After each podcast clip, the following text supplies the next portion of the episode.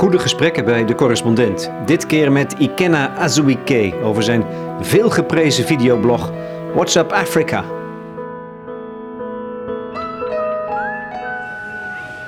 Lente is het in Amsterdam, een parkje in uh, Oud-West.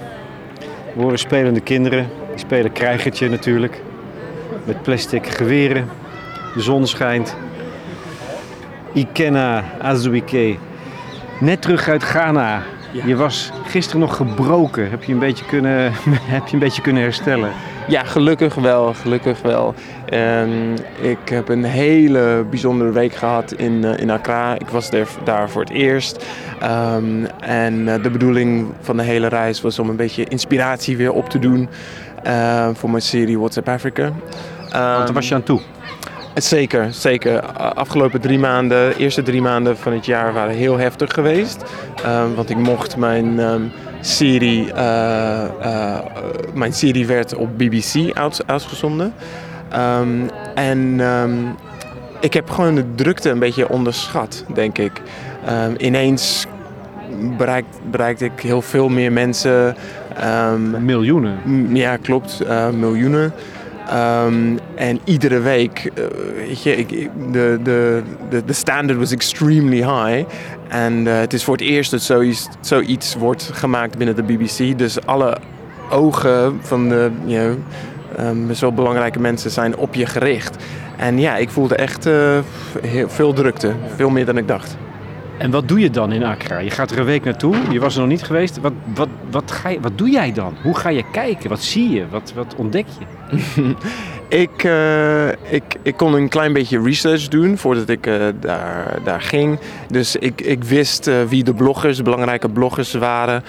ik wist, ik wist waar die culturele plekken waren. Um, en um, dus daar, daar ging ik rechtstreeks naartoe. Ik ging naar de Goethe Institute, where there's lots of arts. Ja, yeah, ineens German. Natuurlijk. exactly, obviously. Um, but that's a popular meeting place. Um, en ik, ik kon ook die uh, Cape Coast Castle uh, bezoeken. En dat was uh, een, een, bekend kasteel waar heel veel slaven waren opgesloten. als een soort ja, historical why am I doing this kind of. that was the bedoeling of that. that hoe, hoe was die confrontatie? Um, It was, uh, ja, als je kan misschien voorstellen, ja, heftig. You, you're shown around the, the dungeons. Um, um, you know, en heel veel mensen hebben het vaak over, ja, in 400, tijdens de slavernij, 400 jaar, dat is een 400 year period. 16 uh, miljoen, mil, yeah, 16 million um, uh, slaven waren um, transported from Africa to, to the New World.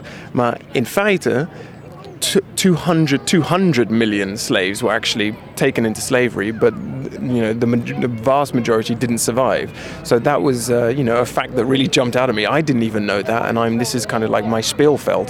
A shock then, yes. even even for you. Yeah, absolutely. Yeah, it was a shock, uh, and to be confronted with um, yeah the spaces where people are held, the condemned cell where um, there's no light. Mm there's no, um, uh, they were given no food. This was for slaves who tried to run away, they're just left to die and, and rot.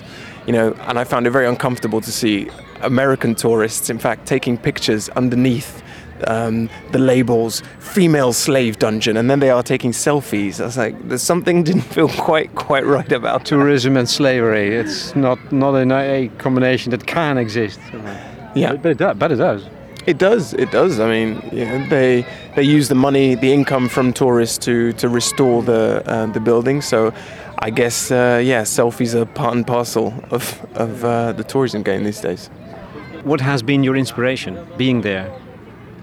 My inspiration was, you know, I, I, I it was the the voices that I heard. I, um, it was the the food that I ate. It was the um, uh, the that, that, that feeling of getting off the airplane and feeling that, that heat of, of West Africa again, you know, it brings so many happy memories back for me um, from the recent trips I've made to Nigeria and obviously my youth, because Nigeria is where I grew up. Um, uh, one thing that really frustrated me in this particular trip was um, walking around supermarkets uh, and seeing, um, I was looking for a present for my daughter, and just seeing in the middle of Accra, you know, West Africa, a very hot capital city for the whole continent, let alone, um, uh, you know, Ghanaians right now, just white dolls, blue eyed, blonde haired Barbies. And I just find that extremely frustrating because it's both a problem and an opportunity for some, you know, entrepreneurial uh, uh, African or, or Westerner um, you know, I went looking for a book, a children's book, and again, you see lots of uh, white faces in these books. My taxi driver was commenting on uh, the color of my skin and how he felt as though, yeah, he, he would prefer um, my color of skin, which is mixed, um, as opposed to his, which is dark black, like my father's, for instance. It's incredibly hurtful to hear those things, incredibly frustrating, because the lack of self-esteem that is that is there as a result of you know decades, uh, cent- centennia of uh, centuries of, uh, of of colonial colonial rule. So that's what you feel still colonialism, imperialism. I mean, that's a source of anger, not of inspiration. Um, well, anger can also be an inspiration, Yeah, I think. Um, Is it for you? I, well, to be honest, yes. I mean, um, that is uh, that was the basis on which I chose, and, and I still choose a lot of stories that I talk about. It's it's ones that make me that yeah that make me boil inside, um, because I just I, I feel like I have to say something.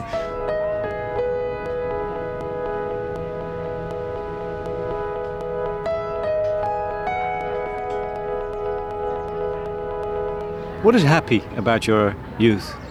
About the memories of your youth? I, I don't know at what age you left Nigeria for London. I left at eight years old, so, So you have a lot of memories. For sure, for sure. And those memories are just, you know, of, of spending time with my parents, with my friends, feeling very loved. I had extremely supportive parents. I still have them, thank goodness. Um, always telling me how proud they were of me.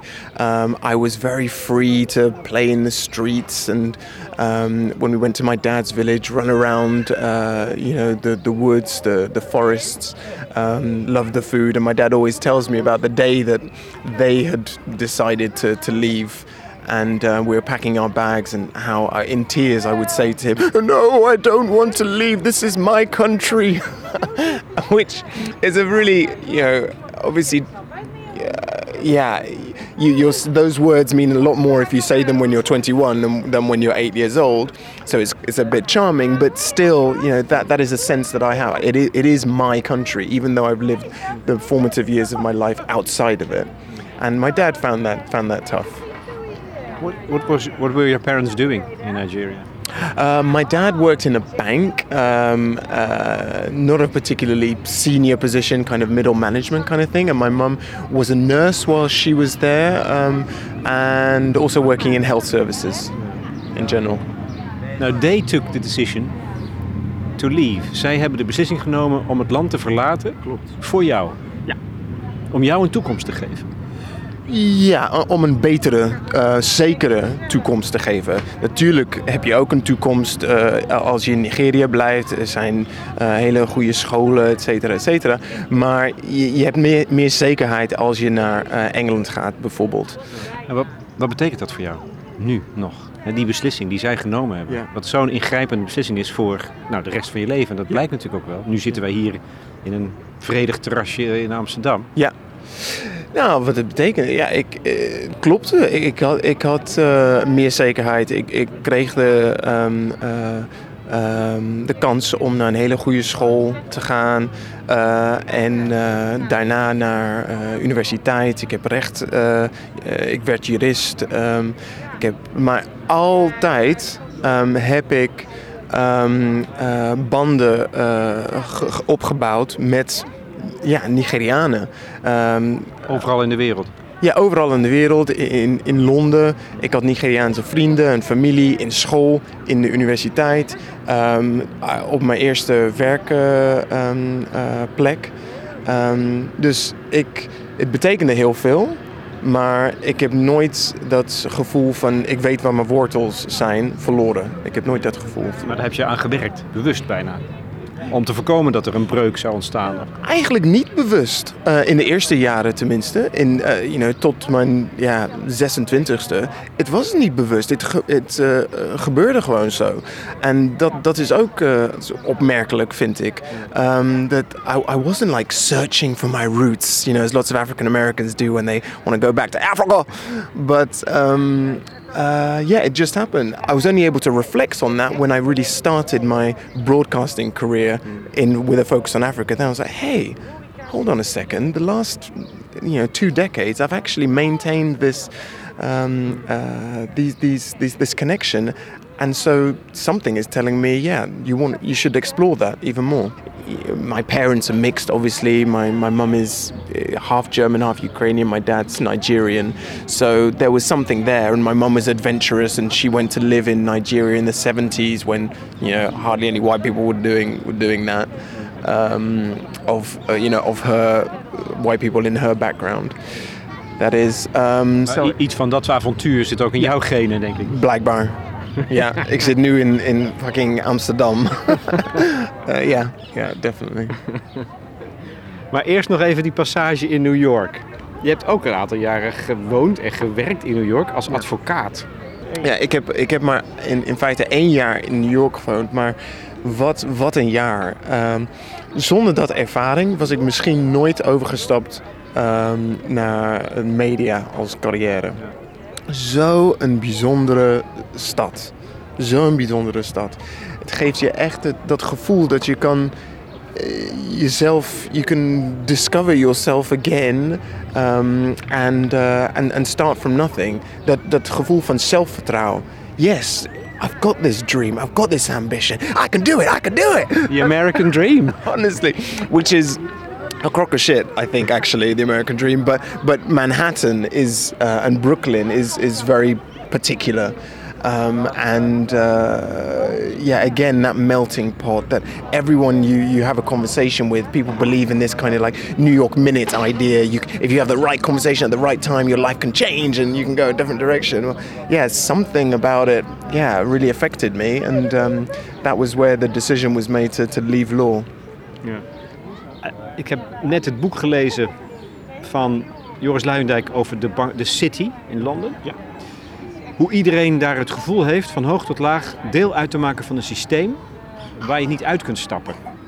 Ik kan me voorstellen als jij jurist, advocaat bent in, in Londen of in, in New York, dat je dat eigenlijk hetzelfde hebt, in, in dezelfde soort wereld zit.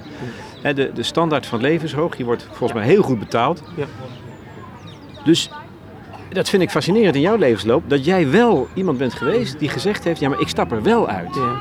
Ook on top of all of that, wat ik ook heb, is, is een Afrikaanse vader. En natuurlijk de, um, de, de focus of lots of African parents is that your your your children should be professionals. Yeah. So to so you be had succeeded. Yeah, you were yes, you were the success eyes, that they wanted. Yeah, in his eyes, absolutely. And to be honest, that was the most challenging obstacle for me. Um, uh, my my partner was so supportive. Um, in saying, you know, all the material stuff, the, the, the, the, driver you have, the, the big salary, we can do without that. You know, we can, we, we don't need any of that. And that gives a sense of, yeah, okay, you know, you feel, uh, yeah, you feel supported. Um, but you know, the challenge of uh, of telling my dad I was walking away from all this security and uh, this um, uh, this respect for your career, that was the biggest challenge for me. What did you say to your father when you called him? I uh, I think I, I, just beat around the bush for a long time. you know, so I'm not really happy, blah, blah, blah. And there was always an excuse like, oh, no, just, which is uh, son in, in Igbo, just stay, stay another year, you'll get more responsibility. And it had been like that since the very first day of my traineeship as a lawyer. Just wait till you qualify, wait till you're senior, wait till you're this, wait till you're that. Um, he was very silent when I told him. Um, that's how my dad gets gets very moody and makes it obvious what his feelings are, but just doesn't really communicate them like I guess a lot of dads. Um, and he still feels that sense of disappointment, which is very hurtful for me. But you know, I'm, uh, I just I have to accept it. He's not going to change. I'm the one who changes, and it comes from a place of love. You know, he cares for me and is just concerned about me. What, what, what was wrong for you over there? I mean, what's the argument? What, what can you say to convince your dad or any dad? Ja. I mean, Ik was dol ongelukkig elke dag ehm, eh, toen ik jurist was. En, en ik was gewoon een ander, ander mens. Outside the office and inside the office, I, I felt like I was playing a role. And that is. everybody is. Denk ik. Maar dat, ja, zegt dat niet iets over, de, manier- over die manier waarop die wereld ook, dat soort werelden, Ja. als een systeem bijna, functioneren? Want dat is natuurlijk een van de grote vragen. Waarom functioneren mensen slechter zodra ze deel uitmaken van een organisatie? Yeah, it's it's a good question. I, I think it's different for everybody. Um, perhaps there is this uh, herd mentality when you're there. Well, I don't want to be the odd one out, kind of feeling. Um, so I'm just uh, yeah, ik, ik ga gewoon mee. Um, I think fear plays a huge role. A huge role because In welke zin? Um, because uh, people are afraid to be different. Um, they're afraid to speak out. They're afraid to take chances. Um, uh, and yeah, and, again, everyone's case is, is different. So maybe um, they, they don't have the they feel they don't have the choice to to step out of line. Um, but thankfully, yeah, like I said, I felt supported. Um, En, en je moet ook wanhopig genoeg zijn geweest, waarschijnlijk. Niet alleen, nou ja, dat, dat de, de, de wanhoop of het ongeluk, het gevoel van ongelukkig zijn zo groot was, Yes. dat je moest. Ja. Dat- Ja, de combinatie van dat en dat, ge- eh, dat gevoel die ik kreeg van, van de stad van, van New York, dat je kan het. You can start from, from nothing and you, you can uh, achieve your dreams. So that, that combina- com- combination of, of very negative and very positive was, um, uh, yeah, the, um, uh, the, the key for me.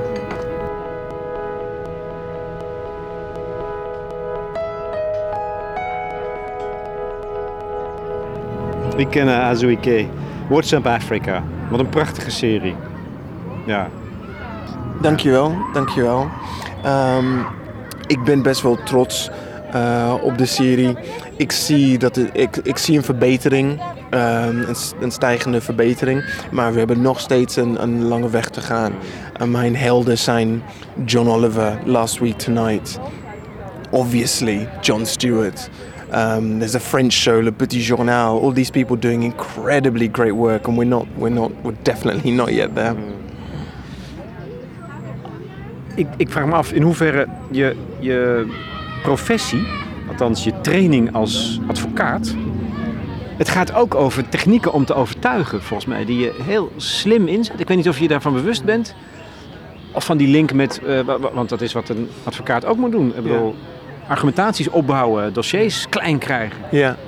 ja, ik denk dat dat is wel een element. Ik denk ook op een, eh, een heel basisniveau, just the professionalism of the law firms. Like they they want to tick every single box for their clients, and that's how I approach my script.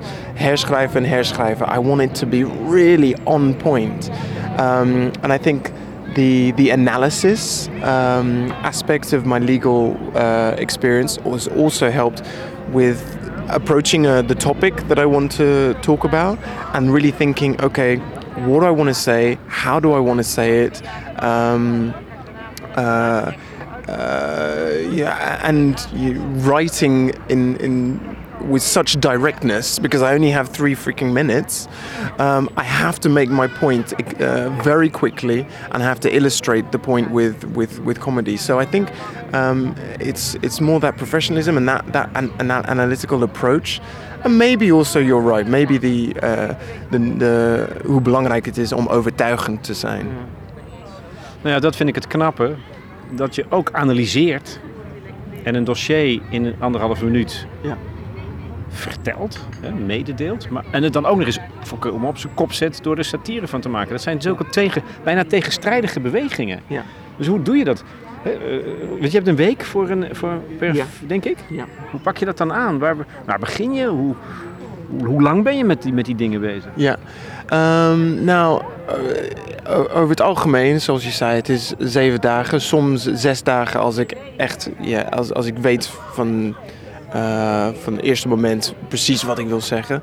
Ehm, maar yeah, you, you think about your your subject. You really think about okay, who is the audience? Like up to a micro level, not just Africans uh, in Africa, 19 to 35, not that kind of thing, but echt precies wie wil ik bereiken. Zo bijvoorbeeld, eh, ik had een aflevering gemaakt over eh, de Russen. ehm, die terug zijn in Afrika. In de zin van, uh, they're making deals, doing lots of business. Putin is an African. Precisely. And on one level, people will just think, okay, they're doing the rest like the rest of the world. They're just there for business. But on the other level, you can see um, a kind of political strategy of um, uh, trying to um, make friends in Africa. Um, in order to help them win votes in the UN against other, you know, uh, other nations, like they did during the Cold War. So my audience there is the people who think that Russia is only there for business purposes, nothing else. And when you have that kind of level of clarity, then it helps you so much more, gives you so much more focus when you're writing your, your script. You know exactly who you want to convince and what you want to convince them of. Yeah, that's, that's the lawyer at work. Oh, okay. There you go then, yeah. So I, I did learn something. No. And and what, for instance, you made a um, one uh, episode of about Ebola. Yeah. So who was your who was your audience there? Uh, yeah, that's not a great example, that one, because um, that was before the time I really appreciated that what I'm doing in satire is in fuck, is really um, unfuck. That was when, you know, I. Yeah, I I made that was more like raising awareness about uh, the issues surrounding Ebola, but it wasn't. I was trying to be funny for funny's sake about a subject, as opposed to being witty you know, and I think there's a real difference there.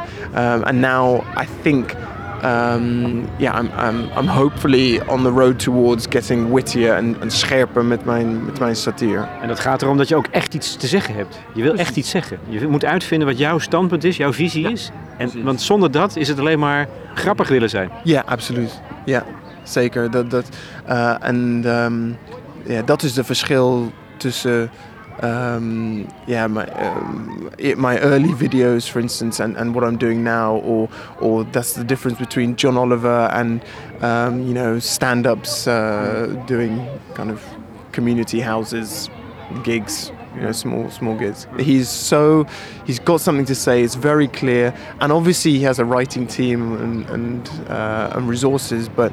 It is such sharp, witty satire, so on point um, that it drives his point home and it engages people. The realization that satire is really a, a, profession uh, was more in things like okay, really identifying your audience, really trying to understand what kind of universal truth are you trying to get out of your episode. I did an episode about uh, witch doctors and how harmful uh, some opportunist witch doctors can be in basically trying to make money out of absolutely everything, even Ebola, spreading lies about what what can cure Ebola just to make money. Very very distinct from regular witch doctors who are kind of like folk healers. Um, these were witch doctors who were really greedy, and uh, and I do some sketches about them. And the universal truth at the end of this episode is that con men come in different, uh, uh, come in all sorts of different shapes and, and sizes. So you shouldn't just. Um, even the unexpected people can, can be con men. But um, Op, kan men eens oplichter. inderdaad. Oplichter, Ja. precies. There was this story uh, I read in the paper recently about um, uh, two Somali um, members of Al Shabaab bursting into a school in uh, somewhere in Mogadishu. And uh, in the school building was a little old lady.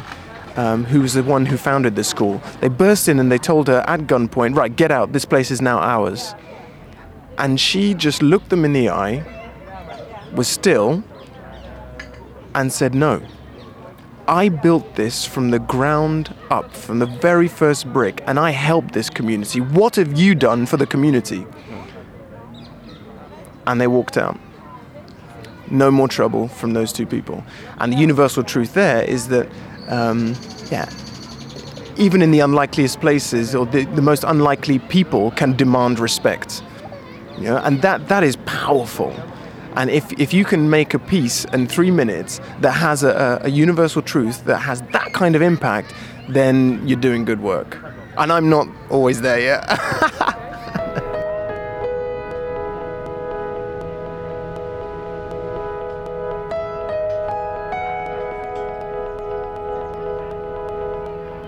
Hoe is jouw ervaring met de BBC?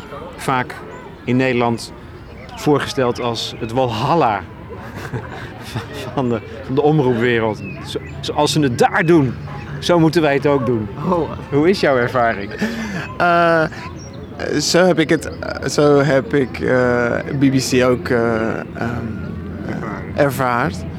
Um, maar in de werkelijkheid, het is wel, um, ja, het is decision making process is oh it's long and uh, it can be painful and you have to be very very patient. Um, my producer is fantastic. Um, she is a very experienced uh, um, news producer but that's also a challenge because she comes from a very newsy background um, hard news, you know. So when I'm talking about comedy, and she's not a comedy producer, so there is there was a bit of a clash, you know. But we had a kind of four week um, uh, traineeship, if you like, at the BBC, doing courses about editorial guidelines, and they gave me this book like two inches thick of what you can and can't do in theory. Um, and because my show is parked in a news show, I get judged by those news standards as opposed to if it was on Comedy Central or something like that. So my experience has, I feel as though the, the show's got better, like in terms of the, the narrative is clearer. There's a more logical volgorde in, in, uh, in elke aflevering. Um, ik heb ook, ja, volgens mij een beetje charme verloren. Um, and that was uh, yeah, in the... De gekte of juist het onbevangene of zo. Yeah, yeah. Um, hmm. That's a worry. Yeah, I, th- I, I think so. Maybe it's like a personal, personal thing. I, I have felt as though it's it's felt more like work um, in the last uh, in the last series.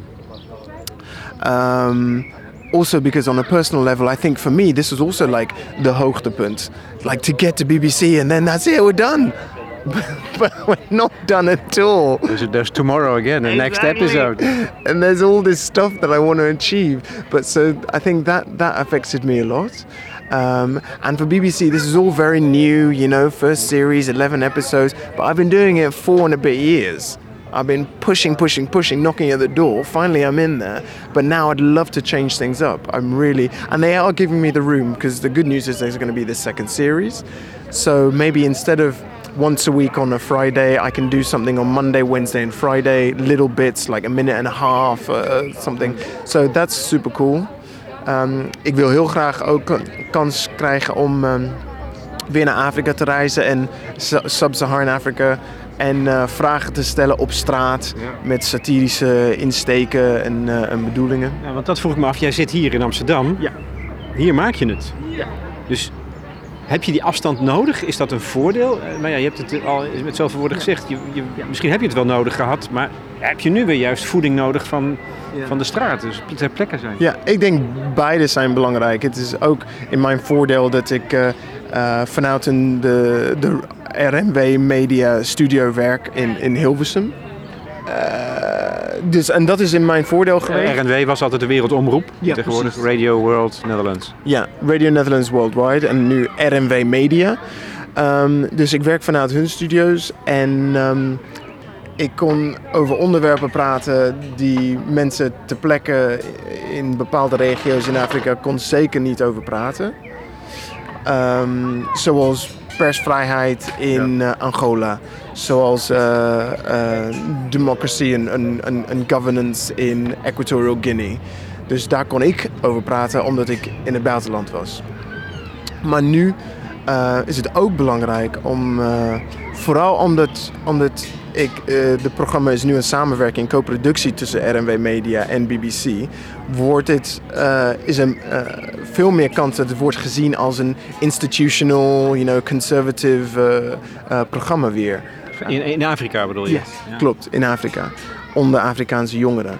Dus I, I also need to do what I also used to do at the beginning of the show, which is go to Africa um, uh, and have young Africans, you know, telling their stories um, uh, from their own mouths, not not through me.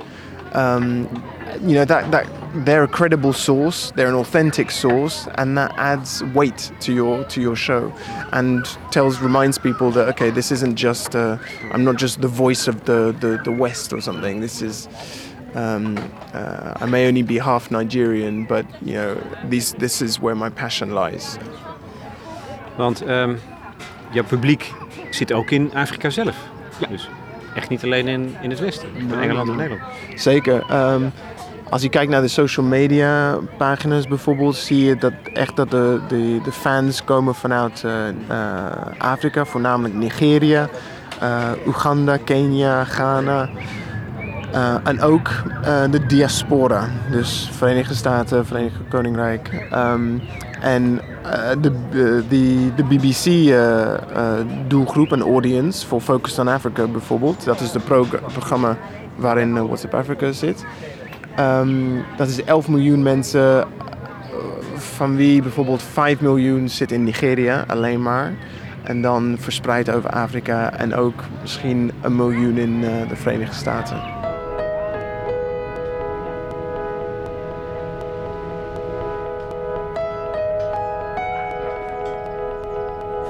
Laatste onderwerp. Ja. Hoe moet het nou met Afrika? Nou, wat een vraag. Welke hoe bedoel je precies? Wat bedoel je? Het is een... Een van je intenties is volgens mij om niet alleen te laten zien dat het een puinhoop is en dat het een zootje is en gevaarlijk en gewelddadig en corrupt, maar dat er ook zoveel mooie kanten zitten aan Afrika, het hele grote continent. Terwijl de meeste van die afleveringen stellen natuurlijk een misstand aan de kaak. Ja. En ik vraag me ook echt af, maar komt het nog goed met Afrika? En, en, welke wegen zie je dan? Welke positieve ontwikkelingen zie je dan eigenlijk? Oh, er zijn heel veel positieve ontwikkelingen. Um, Zoals bijvoorbeeld um, veel meer uh, uh, persvrijheid in, um, uh, over het algemeen. Natuurlijk zijn er bepaalde landen waar het onmogelijk is om bepaalde dingen te zeggen. Een week of twee weken geleden heeft Nigeria voor het eerst een incumbent, the, the incumbent president was, was defeated by the opposition. um, and uh, and it was peaceful, a peaceful democratic um, uh, process, which is fantastic. Um, and there have been a lot, I think maybe 11, 12, or 13 changes of um, ruling party in Africa over the last few years, and you know they've also gone pretty smoothly. Um, yes, back in 2008 there was electoral violence in Kenya, but democratically things are improving. There are, in actual fact, fewer wars. Um, although you know it is just the wars that in general get picked up by uh, the Western media, but in, in actual fact there are there are fewer wars. In actual fact there is less poverty. In actual fact there is less hunger. But um, so things are the, going the goede kant op. Uh, economically, you know the the kind of the big figures in terms of all the GDP and all this stuff, it's going in the right direction. But of course, you know, it's only 50, 60 years since colonialism, since other countries were in charge of their, their money. Their, so it's going to take time. And it's very frustrating that in that time, uh, you know, people are suffering, like the underclass is suffering, and that there is this huge inequality gap. But things are going in the right direction, and my job, along with other people, you know, working in relation to Africa is to speed things up. So het komt zeker goed. And your humor is provoking, I suppose, a feeling of hope in especially the young the young generations over there. Yeah, absolutely. If I look back at four years ago when I started, the number of blogs, written blogs, was you know, a fraction of what it is now. And I'd like to think that what I'm doing has also inspired other bloggers to, to just get going. I've given blogging workshops, you know, locally on the continent, um, and people have been enthusiastic. So yeah, I think people do sense that they can make a difference.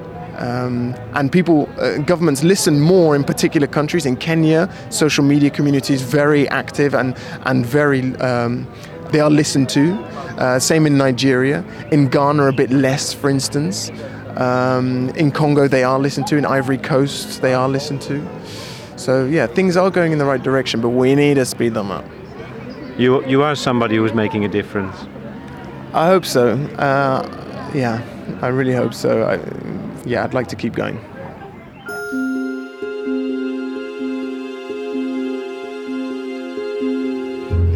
Ikenna Azuike in gesprek met Lex Bohlmeijer voor de correspondent over WhatsApp Afrika. Oh, thanks, man.